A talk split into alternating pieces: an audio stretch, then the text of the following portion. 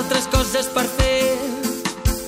No m'ha agradat ja pensar que no hi vaig fer res. Solidaris, amb Adrià Bas.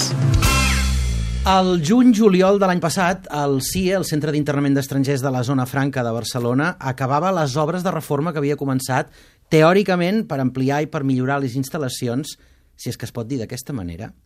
Però gairebé un any més tard segueix havent-hi més gent interna de la que hi cap i les persones que hi són segueixen patint una criminalització injustificada i la vulneració de molts drets bàsics.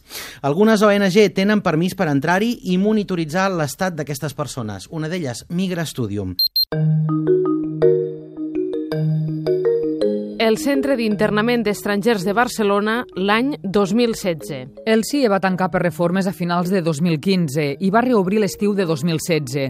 Entre els mesos de setembre i desembre hi van passar 640 persones. L'estada màxima reconeguda és de 20 dies. Més de la meitat de les persones ingressades al CIE van ser posades en llibertat sense expulsió. 83 persones se van declarar menors d'edat i tot i que oficialment només se n'han reconegut dues, la llei prohibís clarament que s'hi tanquen menors. La Fundació Migra Studium. És una organització d'arrel jesuïta, membre de la plataforma Tanquem el CIE. Rep el suport de diverses organitzacions com ara Sor Racisme i des de fa sis anys és una de les entitats amb potestat per entrar al centre i fer el seguiment de les persones internes que ho demanen. De les persones que van sol·licitar l'acompanyament l'any passat, Migra Studium en va atendre 146.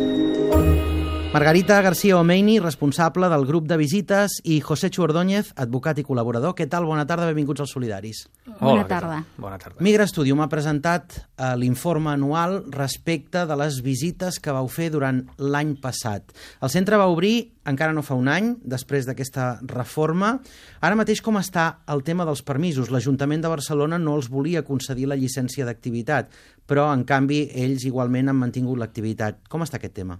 Bueno, desconeixem gairebé els reis, eh? els, els detalls del tema, perquè penseu que això està sota un contenciós eh? judicial uh -huh. Uh -huh. i encara no hi ha cap resolució judicial. No hi ha resolució, però però el CIE segueix funcionant. Sí, sí, està funcionant sí, sí. i uh -huh. s'està ingressant persones i nosaltres uh -huh. com, a, com a entitat estem anant a visitar. Les obres teòricament es van fer per ampliar i millorar les instal·lacions, però una vegada tornat a posar en marxa segueix, segueix havent-hi sobreocupació? Té l'ocupació màxima de capacitat que, que uh -huh. té, que són 213 persones. Uh -huh. El que ha passat, diguéssim, en el període d'octubre a, o sigui, a desembre de l'any passat és que degut a que el CIE de València i un pavelló de Múrcia van estar uh, tancats, uh -huh. moltes de les persones, o sigui, eren de, es o sigui, van se van transferir cap, a, cap a, Barcelona. Barcelona. Uh -huh. Això el que va donar, diguéssim, és de que el CIE estigués funcionant, diguéssim, amb, amb un total d'ocupació de la que tenia, de la que podia admetre. Uh -huh. o sigui, 146 persones monitoritzades en l'any 2016. Conclusions principals i més importants d'aquest informe? Bueno, seguim constatant l'abús mm. de la mesura de l'internament mm -hmm. per en casos de persones que en un inici se sap que són inexpulsables. Mm -hmm. Una altra conclusió és de que eh, més del 50% de les persones no presentaven antecedents penals, o sigui, malgrat la manera habitual que té l'administració de, de justificar moltes de les expulsions, dels internaments i de les expulsions de les persones dient que són delinqüents i perilloses, o sigui, la uh -huh. realitat que hem constatat no és aquesta. Una altra... Per tant, perdona que et talli, Margarita, allà hi ha gent interna que com a molt deuen haver comès una falta administrativa de no tenir papers o la situació regularitzada, és així? Exacte. Uh -huh. sigui, eh, les persones estan, diguéssim, en un centre d'internament degut a una falta administrativa, uh -huh. no per haver comès cap altra mena de delicte. Uh -huh. O sigui, el que els porta a un centre d'internament és no tenir el que comúment eh, tothom coneix de no tenir els papers. Els papers, exacte. Sí, és això. Uh -huh. I un altre tema que ens agradaria remarcar és de que durant l'any passat, o sigui, vam trobar un pic molt alt de presència de, de persones que eh, es manifestaven que eren menors d'edat. Ells, mm, quan sol·licitaven... El, es declaraven menors Es declaraven menors d'edat. I ho són de veritat? És a dir, no és una estratagema que puguin utilitzar com a autodefensa? És a dir, vosaltres feu aquesta feina de certificació? Que entenc que deu ser molt difícil perquè una persona estrangera que potser no té els seus papers d'origen ja costa de determinar. Pensar que aquesta tasca no la pot fer una entitat particular com mm. una fundació més Studium. Mm -hmm. Aquesta determinació de l'edat d'una persona que alega ser menor i que no pot estar privada de llibertat en un CIE perquè està prohibit per la llei, mm -hmm. això és d'una tasca prèvia.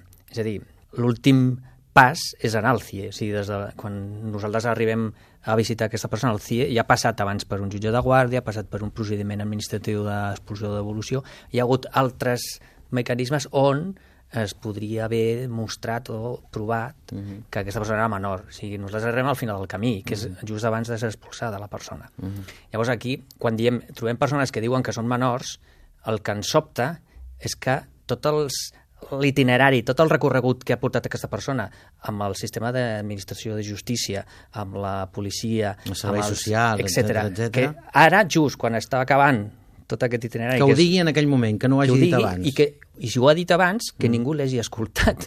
O, o que, que no, s'hagin fet... No pres, no hagin fet cas d'allò que hagi dit. Això és el que ens sobta. I això ah. és el que diem, que no pot ser que arriba a l'últim esglaó, mm. ara surti aflori aquest, uh mhm. -huh. aquest uh mhm. -huh. problema quan aquesta persona ha estat sota custòdia, ha estat detinguda, ha estat sotmesa a un procediment judicial. Uh -huh. Clar, no? uh -huh. és el que ens sobta, que no, com és que les mesures de, de control no han funcionat abans? Per tant, hi ha algun mecanisme que falla. Margarita, t'he interromput en les conclusions, em penso. No sé si en quedava alguna. Em quedava alguna i que eh, nosaltres també considerem que és, és important destacar mm. que és l'absència eh, permanent d'intèrpretes dins del centre d'internament. Mm això dificulta molt, diguéssim, eh, no sol el, eh, el garantir el dret de comunicació de, de la persona, sinó el dret d'informar-se, mm. perquè el desconeixement de la llengua el que fa és que aquesta persona s'hi aïlli i que presenti certes dificultats a l'hora per la seva pròpia defensa. De la seva pròpia defensa. Mm -hmm. Vosaltres elaboreu aquest informe amb quina finalitat més enllà de la divulgativa? És a dir, a partir del que vosaltres detecteu, determineu i poseu per escrit, es pot emprendre algun tipus d'acció legal? Tu ets advocat, Josecho, eh, algun tipus d'acció pública mm, a les autoritats per intentar revertir la situació. En aquest programa en parlem molt sovint del CIE, per desgràcia. Expliquem moltes vegades el mateix, és a dir, sabem que això passa de fa temps, vaja. Eh, es pot fer alguna cosa més enllà d'elaborar aquests estudis? Sí, mira, part de, dels informes sempre tenim eh, certa preocupació per, uh mhm. -huh. per formular alternatives i formular mesures que puguin ser legislades uh. -huh. per que aquesta situació canvi.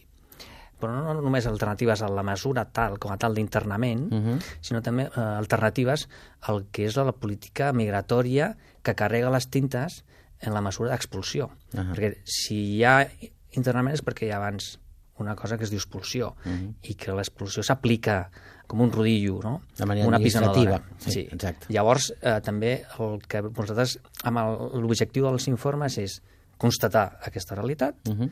però també proposar mesures d'alternativa a, la, a la privació de llibertat i també mesures que puguin canviar la política migratòria en general. Proposem-ne algunes. Va, aquest programa està obert expressament a sentir solucions per fer un món millor, un món possible. Mira, per exemple, alternatives a l'internament. Uh -huh.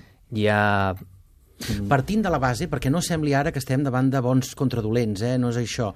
Partint no. de la base de que eh, és legítim que un estat vetlli per la seguretat eh, nacional i del territori, no, i això ho sabem, passa a tot el món, però que, que evidentment hi ha maneres i maneres de fer les coses. Aquí aquestes alternatives. Mm. Ho has hecho. Pensa que és tot un tema de legitimació, en el fons. Eh? Mm.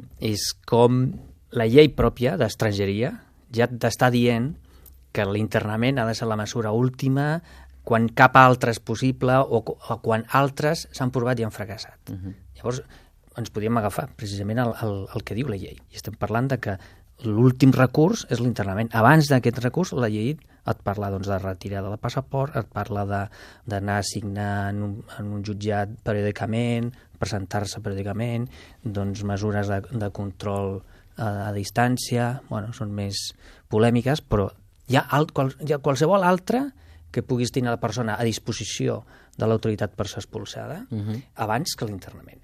Però és que, a més, podríem comprar algunes d'aquestes alternatives uh -huh. i, mhm. i que, que l'administració eh, que serien menys complir. dràstiques, que serien... Clar, Clar. que la privació, és que és una privació de llibertat. No, eh? exacte, se'ls tracta eh, sota un règim gairebé penitenciari. Exacte. Sí, I altres, per exemple, són pagament de fiances, també se- seria una... que no està, no està prevista a la llei com a tal, però també en altres països la, el que és la detenció de migrants mm. està sotmesa també al, al pagament de la, la llibertat bajo fianza, no? mm. si vols, eh, coses d'aquestes. O, o un aval d'una persona que, que no és estrangera, una persona del país, que avala que aquesta persona es posarà a disposició de l'autoritat per ser expulsada més endavant. Mm -hmm. O l'acolliment comunitari, Comunitari. acolliment familiar, perquè pensa que a vegades les ordres d'expulsió són dictades per persones d'una mateixa família, Per grups per familiars. grups. I això a França, a Bèlgica, a Alemanya, hi ha països que hi ha experiències mm. de recursos comunitaris que fan innecessari l'internament. I després, com a alternativa a l'expulsió, hi ha, un, hi ha a la directiva europea de retorn, Mm. que és del l'any 2008, aquella que es diu la directiva de la vergonya, Sí. hi ha l'article 6.4, que diu que quan un estat no, no vol o no pot expulsar algú, l'ha de donar una alternativa. Uh -huh. Això passa molt sovint, són dades també de l'informe, que el 56% de les persones que hem visitat han, han acabat sortint en llibertat no han estat expulsades. Què es fa amb aquestes persones? Tornen al carrer, mm. tornen al carrer amb Clar, una com els irregularitat Clar. eh, de residència, d'estada, Uh -huh, uh -huh. i previsiblement o probablement podien ser tornats a, a, a ser detinguts per intentar de nou aquesta indefinidament aquesta possibilitat de ser expulsats. Perquè ara mateix, en quan és, Margarita, la mitjana de temps que passa una persona en aquest CIE? Les dades oficials te diran que són de 20 dies. Ahà. vale? La realitat que nosaltres hem eh, constatat, o sigui, dels 140 147 persones, Uh -huh. més de la meitat vam superar els 40. Els 40 dies. 40 dies. Clar, quan s'acaben aquests 40 dies, posem-nos en el màxim. 60. El, el màxim de dies són 60. 60 dies. Aquestes persones, tu ara deies, Josecho, una part són certament expulsades, entenc? La són minoria. deportades, La entenc? minoria. La minoria. La minoria són deportades, però ni, la resta surten. I el, I el seu problema administratiu tampoc no s'ha solucionat. De què coi ha servit, llavors? De res. Per això diem, o sigui, que a veure que eh, el centre d'internament, o sigui, que a veure, és, eh, és ineficaç, És és, ineficaç. obsolet, no és necessari. Uh -huh. O sigui, si no és, el mateix centre no està exercint la funció uh -huh. per la qual va ser creada, uh -huh. doncs, o sigui, no té sentit. O sigui, busquem una altra mena de mesura que sigui menys traumàtica, no sols únicament per a la persona que està internada, uh -huh. sinó també per al context familiar. Uh -huh. Que quan eh, una persona ingressa en un centre d'internament, en el cas eh, de les persones que tenen arrelament a casa nostra, és una circumstància eh, de caire familiar. Exacte. Doncs, o sigui que la, que la pateix tota la família. Mm. Nos hem trobat casos amb persones que portaven 25 anys residint a casa nostra i que han estat ingressats en un centre d'internament Amb els fills nascuts aquí. Nascuts O i, i, i professionals. I matrimonis mixtes. Exacte, Per amb exemple, moltes- gent sí, que són d'aquí... persona- Clar, exacte. Bueno, ens hem trobat, diguéssim, Sí, persones sí, amb sí. aquestes circumstàncies, o sigui, casats amb espanyoles, en un centre d'internament, Ah.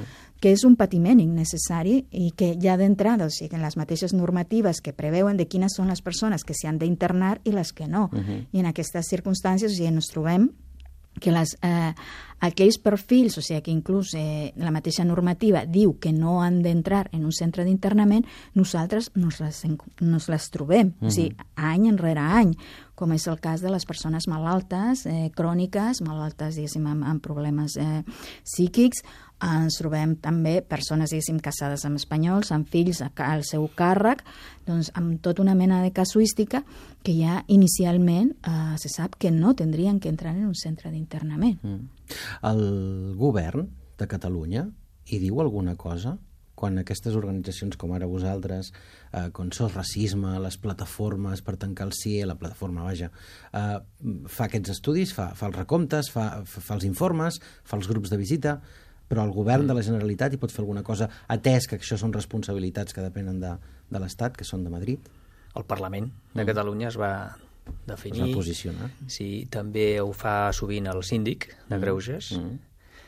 que vaja, és un, és un... Aviam, aquí hi ha hagut un, una feina de, de posar damunt de la taula aquesta situació, no? I no, aquest no és el primer informe, no és la primera manifestació de- de- d'algú de, de la societat civil. Jo crec que el debat social hi és, s'ha instal·lat, jo crec que el que s'ha fet és que les autoritats públiques, no? els poders públics, també en certa manera han agafat. I prestin atenció. Presten atenció i jo crec que amb això eh, sigui l'Ajuntament, sigui el govern de la Generalitat, sigui el Parlament, bueno, això pot ser més endavant, uh -huh. però vaja, jo crec que, que també sigui part del debat polític, en certa mesura, doncs déu nhi està molt bé. Margarita García Omeini, responsable del grup de visites del CIE de Migra Studium i José Chuordóñez, advocat i col·laborador de la mateixa fundació. Moltes gràcies per haver vingut als Solidaris. A vosaltres. Doncs, doncs res, gràcies. Les entrevistes, els reportatges, les seccions dels col·laboradors. Descarrega-te'ls a catradio.cat barra solidaris.